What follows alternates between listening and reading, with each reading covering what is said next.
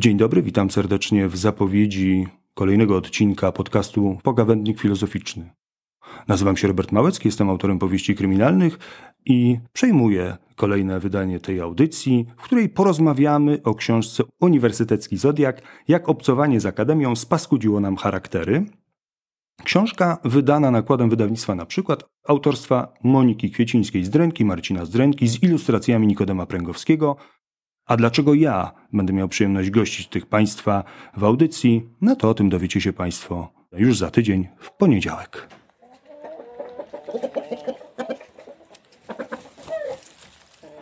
Niczym badacze i badaczki chętniej się nie zajmują niż sami sobą.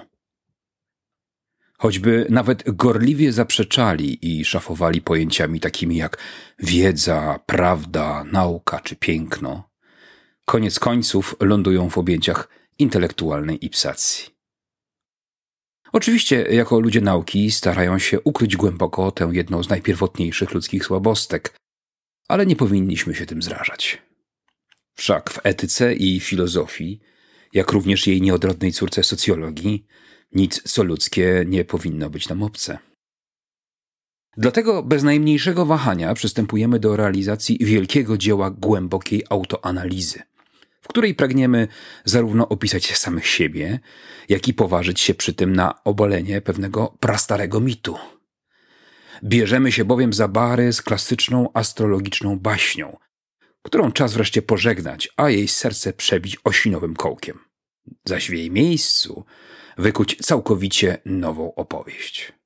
Jeśli ten zamysł się powiedzie, poszerzymy nie tylko akademicką samowiedzę, ale także, jak dał nam przykład nasz patron Mikołaj Kopernik, dokonamy obrotu całej sfery niebieskiej. Wokół tak zwanego zodiaku narosło wiele nieporozumień. Owszem, najpewniej pochodzący jeszcze z Mezopotamii czy Egiptu koncept podziału sfery niebieskiej na części jest jakoś astronomicznie interesujący. Jednak morze astrologicznych mitów, jakie wokół niego narosły, pozostaje niezmierzone.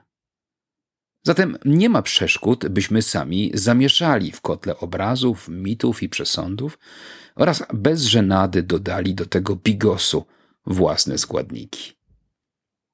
Zanurzcie się zatem z nami w nową astrologiczną opowieść o pawiach, indorach, kwokach, hienach czy kameleonach, patyczakach i dydelfach. Spróbujcie spojrzeć na te nowe figury akademickiego zodiaku, tak jak i my to zrobiliśmy, przekonani, że tak naprawdę spoglądamy w lustro.